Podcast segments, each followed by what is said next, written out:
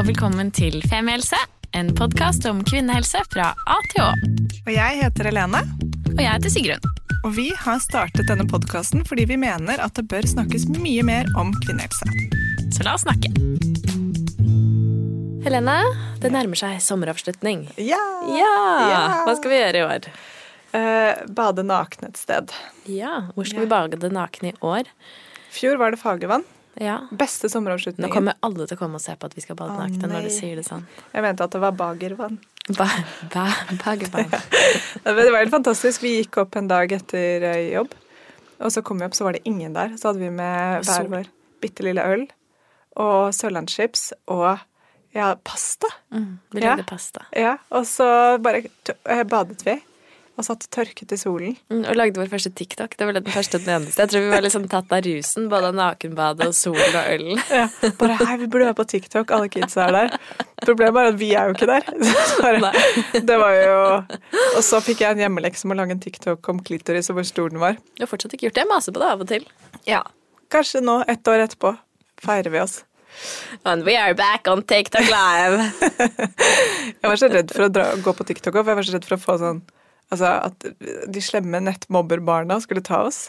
Ja, det er jo sånn som eh, Jeg jobber jo i Thai, så der er jo mest unge kids som bruker det. Mm. Og noen ganger når eh, jeg også gjør ting på Thai, så er de sånn Nei, hvem er den gamle dama der, ja? Ja. Feels good. Det er sånn selvtillitsboost. det. Ja. Uh, når jeg noen ganger sier sånn Ja, jeg kan lage den filmen, det er helt greit. Og så bare «Hvem er den gamle dama der, da? så um, Det var, var en barnebursdag her forleden. ja. Og da satte jeg meg selvfølgelig på barnebordet. Det er jo de jeg Som vanlig. Ja. Sitter og prater og, prater og spiser kake og snakker om muffinsen, og det var god stemning. Og så spør hun ene om hvor mange barnebarn jeg har. Hva svarte du? Da sa jeg hold kjeft, du får ikke mer pølse eller kake i dag. Du er en bestemor. Ja. Da sa jeg ingen, så vidt jeg vet. Veldig... Og så spurte jeg henne om hvor mange barnebarn hun hadde. Ja. Og så sa hun bare ingen, jeg er et barn. Så sa jeg ok, greit. Hun hadde åpenbart ikke humor. Nei. Nei. Så det var greit. Jeg tar det, jeg tar det ikke til meg. Ok, Men tips til um, gode nakenbadspots uten for mye greie på bunnen. Ikke sånn kvister og sånn, det er så ekkelt. Ja. I Stor-Oslo tas imot med takk. Jeg er åpen for saltvann, faktisk. Men ikke, natt, ikke huk. Der har jeg vært. Der er det meget Altså, meget spesiell stemning. Vi skal ikke nakenbade på huk. Nei, jeg kan altså- godt nakenbade på resten av Bygdøy, men ikke på huk. Nei, jeg har gjort det nå, for på en måneds tid siden, og det var Folk setter seg ekstremt tett inntil og skal ha samtaler. Oi. For der er liksom alle en gjeng. Med penis? Ja. Ja. Der er, der, det er et eh, community. Er det først og fremst penisen som er samtale? Da? Eh, ja. Ja. Det er jo vanskelig å se andre steder. Jeg er jo ikke så, eh, jeg er ikke så erfaren naturister at det Men det var så deilig dag, og det, det er så fint område, ikke sant. Så vi er bare ja, digg å bade naken anyways. Vi satte oss ned der. Men uh, folk satte seg veldig tett inntil. Ja, spesielt. Uh, ja. Så, og, men det var min ene opplevelse av det. Så det kan jo være andre dager hvor det er andre, annerledes. Jeg vil bare si det. Ja. Noe shaming på natur, naturiststranden på Huk, men eh, Nei, men det er ikke for alle. eh, slide into your DM with your nude spot. Thank you. Ikke gjør det, men gjør det. Ja. Ok. Ok. um, I dag så eh, skal vi jo snakke om eh, amming. Men em, når starten på ammingen blir eh, litt ekstra utfordrende pga. mors eller barns helsesituasjon. Og grunnen til at vi har lyst til å lage denne episoden her, er jo at em, man har jo kanskje ofte et sånn bilde inni hodet sitt på hvordan ammingen skal se ut, hvor man kanskje tar utgangspunkt i en cirka fire måneder gammel baby som sitter på kafé sammen med moren sin eh, og ligger der og smatter og gosser og em, og stryker mor på puppen, og at det er, liksom, det er sånn det skal være. Men, eh, og det er jo heldigvis sånn det blir for veldig mange etter hvert, men eh, det er jo ulike ting som kan gjøre at man får en litt ekstra rocky start. Eh, og så kan vi også innlede med å si at vi har spilt inn en egen episode om keisersnitt. Eh, hvor vi eh, fokuserer på oppstart av amming eh, etter keisersnitt, så den kan du høre på. Så vi kommer ikke til å fokusere på dette i, nei, det i denne episoden, men andre grunner, da. Og så har vi også laget en helt en, episode som bare heter amming, Ja. med ammehjelpen før. Så Ja. det er veldig lett å finne dette hvis du bare søker opp på Spotify, eksempel. Mm. Så kommer det veldig lett opp. Så ja, så vet du. Anbefaler å begynne med den første. Ja. Ja. Og med oss i studio um, for å snakke om dette i dag, er vi så heldige å ha Isabella Sæterød. Takk, hei. Hei, velkommen til oss. Takk skal du ha. Nå ville jeg egentlig at du skulle avslutte med å si ditt nydelige siste etternavn. Ah, Isabella Abourdois er mitt nydelige siste etternavn. Abourdois. Abourdois. Ja. Ja, Jeg får litt lyst til å ta opp Altså, jeg hadde jo fransk, hva er det, syv år. Eh, jeg kan veldig ytterst lite, men når du sier det, får jeg veldig lyst til det. Man har litt lyst til å lage sånn håndleddsknekk når man sier det. Ja. Ja, litt. Eller bare, jeg vet ikke, røyke litt, kanskje ha på seg ja. Gjøre noe. Enig. Noe som føles litt eksotisk. Ja. Uhverdagslig. Men um, hvem er du, Isabella? Jeg er uh, styreleder i Ammehjelpen. En uh, veldedig nonprofit-organisasjon som driver med mor-til-mor-veiledning innenfor alle ting morsmelk. Uh, Vi er mødre, ikke helsepersonell, selv om vi har en del helsepersonell blant oss. Eh, Så eh, besvarer henvendelser fra foreldre og helsepersonell via hjemmesiden vår, e-post og telefon, og i en Facebook-gruppe. Eh, Som heter Uh, Ammehjelpsgruppen heter den gruppen på Facebook. Mm. så vi er 250 stykker, eh, som i snitt i fjor besvarte 36 000 henvendelser. Og det ble født 40 000 barn. Wow. Så vi er i kontakt med en del foreldre. Hva, Hvordan ble du ammehjelper? Jeg fødte mitt første barn i 2017 eh, og hadde en ekstremt traumatisk fødsel. eh, og var kjempeforberedt på det å skulle føde, og så ble ikke det sånn som jeg ville. Og så tenkte jeg i min lille rosa eksistens at det å amme var noe jeg var skapt til å gjøre, så det kom til å være easy-peasy. Og så var det ikke det.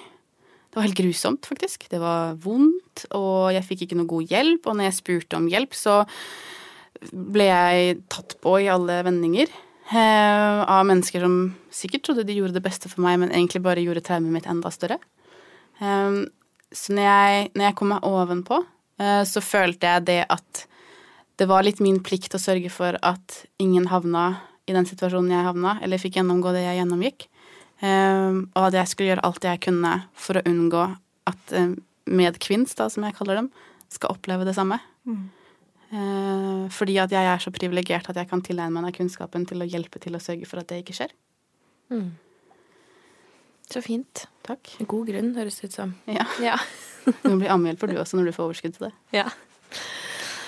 Um, ja, ikke sant. Så dere hjelper kvinner eh, og familier som eh, i alle deres ulike ammesituasjoner. Jeg antar det både er i starten av ammingen, men også etter hvert.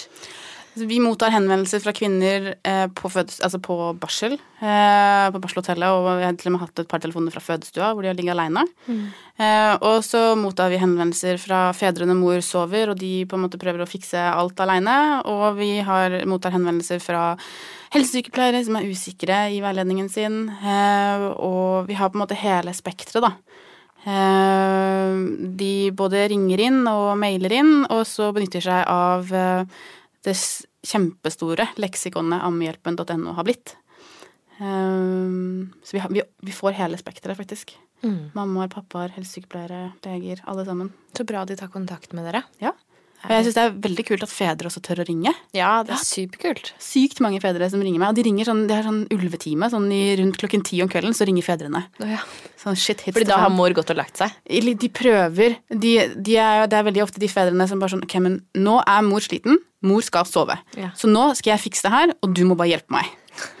Da blir vi sånn superteam. Så blir han sånn men du, du, dere må være sånn Men dere kan ikke amme. Det er ikke noe melk der. Det er ikke noe rart du ikke får det til. De kan amme. Det er bare det er en prosess. Det krever veldig mye arbeid. Jeg har jobba veldig mye for å fortelle mannen min at han kan amme. Vi kan få det til. Du må bare jobbe for det. Oi. Ok. Han- han Jeg grei. føler egen episode. Herreamming. Yes. Manmilk. Ja. Man milk. Jeg tror faktisk det er en episode jeg har klikket, klikket på av ulike grunner. ok. Um, men for å da peile oss litt tilbake til temaet. Eh, hvilke em, tilstander og sykdommer og ting som har skjedd, kan gjøre at man eh, får en utfordrende start på, på ammingen?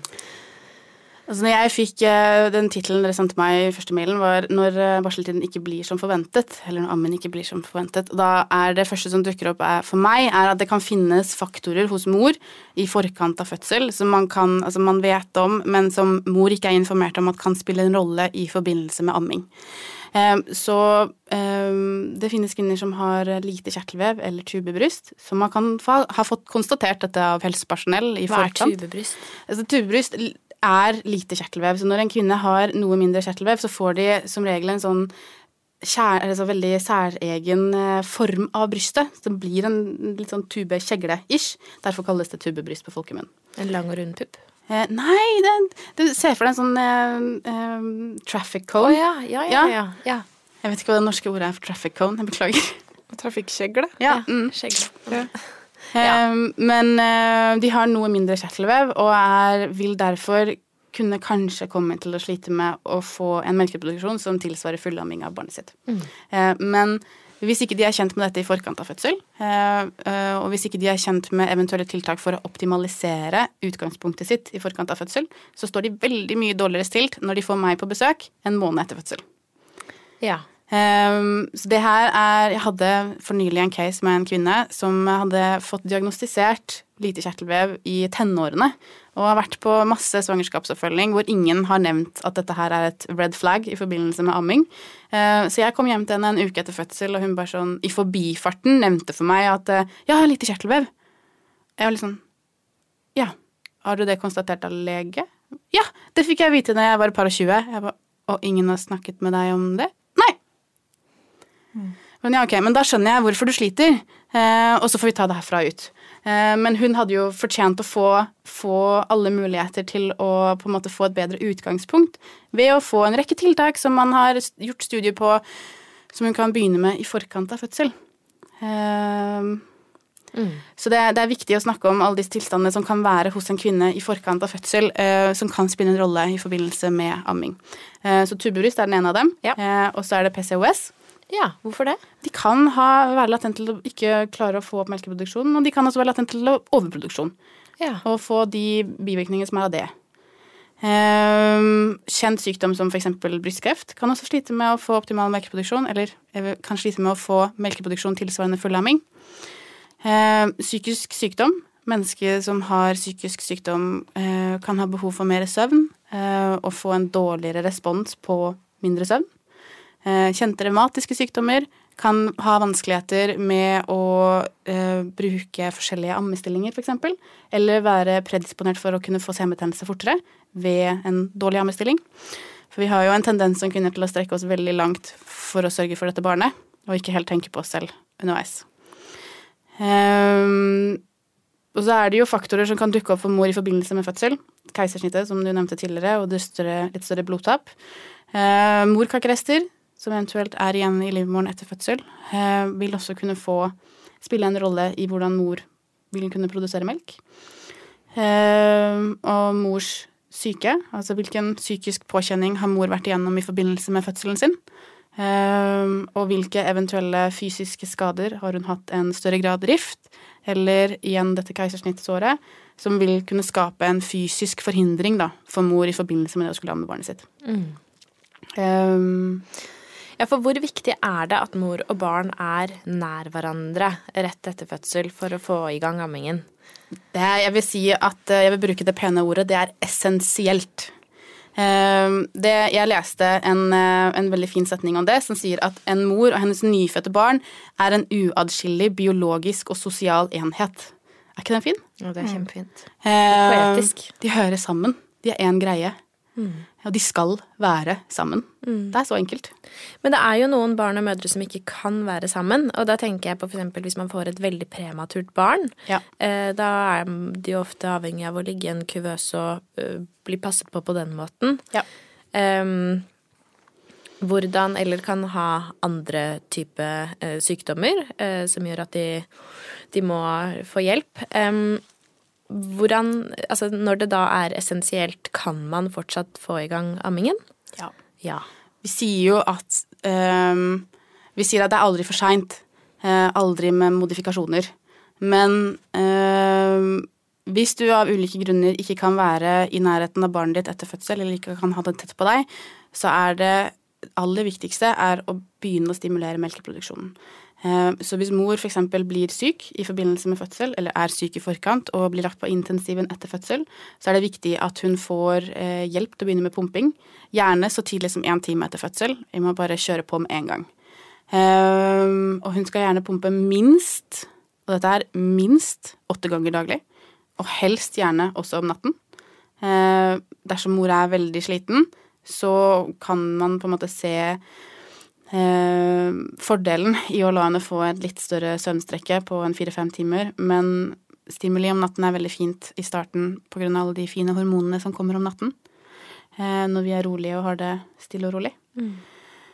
Eh, dette med å pumpe for å stimulere melkeproduksjonen er også viktig selv om mor er jeg vil si i gåseøyne frisk etter fødsel, men ikke kan være i nærheten av barnet pga. faktorer hos barnet. Eh, like viktig å få i gang stimulien. Eh, stimulere ofte, eh, og stimulere hyppig, og gjerne kortere drag. Mm. Um, og så snakket jeg med en uh, neonatal sykepleier um, som vi er så heldige å ha innad i organisasjonen i forbindelse med dette. Uh, og da lærte jeg det at selv veldig, veldig små premature barn, helt ned til under uke 8, altså født i under uke 28, kan die. Er det sant? Eh, for jeg spurte henne finnes det på en måte en sånn nedre grense for hvor gamle, eller hvilken gestasjonsalder eller hvilken vekt må barnet ha før det kan bli lagt til brystet. Og det finnes egentlig ikke. Det er alt avhengig av hvor, hvilken form barnet er i. Og du kan ha et prematurt barn som er født i uke 28, som klarer å die bedre enn et, full, altså et fullbårent barn som er sykt, da. Mm. Eh, så de klarer å die. Ikke nødvendigvis lenge og ikke nødvendigvis mye, men de klarer å die. Ja. Det er jo helt sykt. Mm. De har på en måte instinktene til det. Um, så ja. Ja, men så fint, da. Så um, ikke sant. Så melkeproduksjonen kan komme i gang kun av uh, stimuli, da, som ikke barnet gjør. Ja. Um, og at det er viktig at barnet uansett uh, hvis det er i form til det, da, legges til brystet, kanskje, for å få den tilknytningen og kjennskapen til mor og brystet. Ja. ja. Vi, vi, ønsker oss jo at barnet skal komme til mor så fort som mulig. Um, vi ønsker å begrense adskillelsen til altså, det minimale. Um, og uh, hud-mot-hud-kontakt, selv om man ikke kan legge barnet til å die, er også viktig fordi at det stimulerer en form for produksjon hos mor. Uh, også fordi at det er vist til å roe barnet og hjelpe barnet med kroppstemperatur. Um, og, og da å begynne å stimulere jeg vil kalle det manuelt, eh, for å få i gang en melkeproduksjon. Mm. Også for å unngå en eh, eventuell eh, betennelse. For hun må jo tømme uansett. Mm. om hun tenker hun skal amme eller ikke. Ja, ikke sant. Ja. Men eh, si at barnet er født eh, enten veldig for tidlig, eller man vet at man har en eh, operasjoner og behandling av, av, barnet foran seg, da, som gjør at det, det kanskje er en lang tidshorisont til man får ha barnet hos seg hele tiden. Eh, hvordan tenker du at man kan holde motivasjonen oppe for å pumpe, og for å holde produksjonen i gang? Har du noen tanker om det? Jeg snakket med neonatalsykepleieren en gang til om dette, og så spurte jeg henne hva, hva pleier du å si til eh, mødre som på en måte sliter med motivasjonen? Hva er på en måte de største grunnene? For det finnes jo veldig mange grunner. Eh, men så er det litt med hvor mye skal man egentlig preache? Eh, ja, det er flere helseeffekter ved at barnet får morsmelk. Det trenger ikke å die så lenge det får morsmelk. Eh, det er tilknytningsfaktorer, det er immunfaktorer. Eh, jeg leste at eh, eh, morsmelken til mødre som føder prematurt, inneholder mer proteiner som fremmer rask vekst. Mm. det er jo helt sykt at den tilpasser seg til det. Um, og for barn som f.eks. er født med Downs syndrom, så spiller morsmelken en veldig stor rolle fordi at det hjelper på å bygge et, eh, et bedre immunforsvar. De har relativt umodent immunforsvar. Um, og for unger som er født med leppe-kjeve-ganespalte, um, så kan morsmelken spille en rolle i det at, uh, å forhindre at barnet får mellomørebetennelse, som de er mer latent til å få. Mm. så det finnes mange grunner til de individuelle situasjonene, men samtidig så er det også viktig at eh, man adresserer de, de psykiske faktorene ved å, ha, ved å, ha, et sykt barn. Eh, eller ved å ha en prosess som man ikke tenkte eller ikke ble som man så for seg. Eh, så det er, det er, en enorm psykisk påkjenning for foreldre til syke barn å stå i det å ha et sykt barn, mm. uavhengig av alderen på det syke barnet. Eh, og det er eh, ofte kilde til mye uro for mor, og mye uro for mor kan forhindre en god melkeproduksjon. Ja, for det var litt det jeg satt og tenkte på sånn hvis man er veldig stresset, og man er jo selvfølgelig bekymret for barnet sitt, og på en måte hvor mye skal man da eh, Altså hvor mye tid og energi skal man da bruke på nettopp denne Altså pumpingen for høres ut som er ganske tidkrevende når man kanskje egentlig har bare lyst til å Sove? Ja, sove, men også være der, da, for ja. Eh, det lille barnet på den måten man kan. Um, at det er jo Jeg kan se for meg at det er en vanskelig balanse mellom å liksom ville gjøre det, men samtidig kanskje har man ikke helt overskuddet eller ja. roen på plass til å kunne fokusere på det, da. For det er jo noe man egentlig skal gjøre sammen med barnet. Det er jo et fellesprosjekt å liksom få i gang denne ammingen når du da sitter liksom alene med det. Ja. Det bare høres ja, tøft ut. Altså jeg, det finnes ikke noen fasit på hva man skal si, og så er det en hårfin balansegang i å Vi skal ikke presse noen til å amme som ikke har lyst til å amme. Um, og vi skal um, Altså Den individuelle kvinnen må få informasjon om de forutsetningene hun har basert på eventuelle faktorer hos henne, og hvilke forutsetninger barnet har for å kunne hjelpe henne med å stimulere en, en velfungerende produksjon basert på faktorer hos barnet. Eh, vi må informere eh, og avklare forutsetninger og gi henne hjelp og støtte. Eh, det vil jo være mye enklere for en mor å stå i det å skulle pumpe åtte ganger, eller jeg vil gjerne si tolv ganger i døgnet, eh, hvis åtte er minimum. Um, hvis hun får hjelp til å sørge for at hun får spise, og hvis hun får ro til å sove, altså hvis hun får slipper å tenke på alle de andre tingene, så kan vi være, hvis vi støtter opp om kvinnene, så kan vi hjelpe til med å bidra at, til at de skal ha en bedre kapasitet da, til å stå i den krevende jobben det er å pumpe. Mm.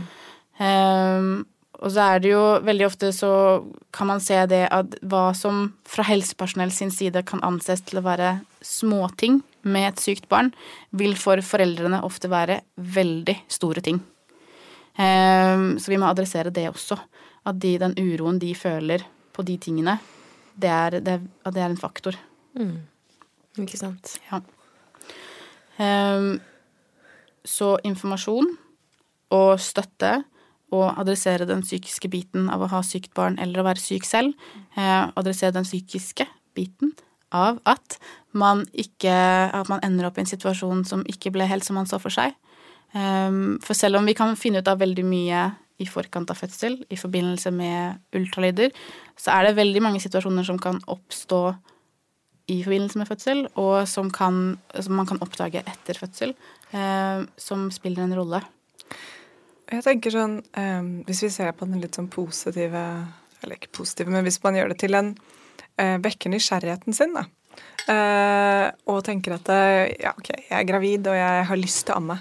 Og så vet man ikke utfallet, men uten å liksom fylle det med redsel og tenke om barnet er syk, tenke om jeg blir syk, tenke om det blir keisersnitt. Men lese seg opp på amming fordi det er ganske spennende. Ja. Ikke sant? All den faktaen du nevner her om proteiner og, og hva det kan hjelpe til med betennelser eller kroppen. Hvis man har lyst til å amme, lese seg opp på liksom Oi, hva skjer hvis barnet er prematurt? Hvordan ammer man da? Eller, eller hvis det, det var gullsott, eller hvis jeg er syk, eller liksom hvordan gjør jeg det? og og, og, vi snakket litt om det i den episoden om keisersnitt også, det med å gjøre um, det så komfortabelt for seg selv. Da.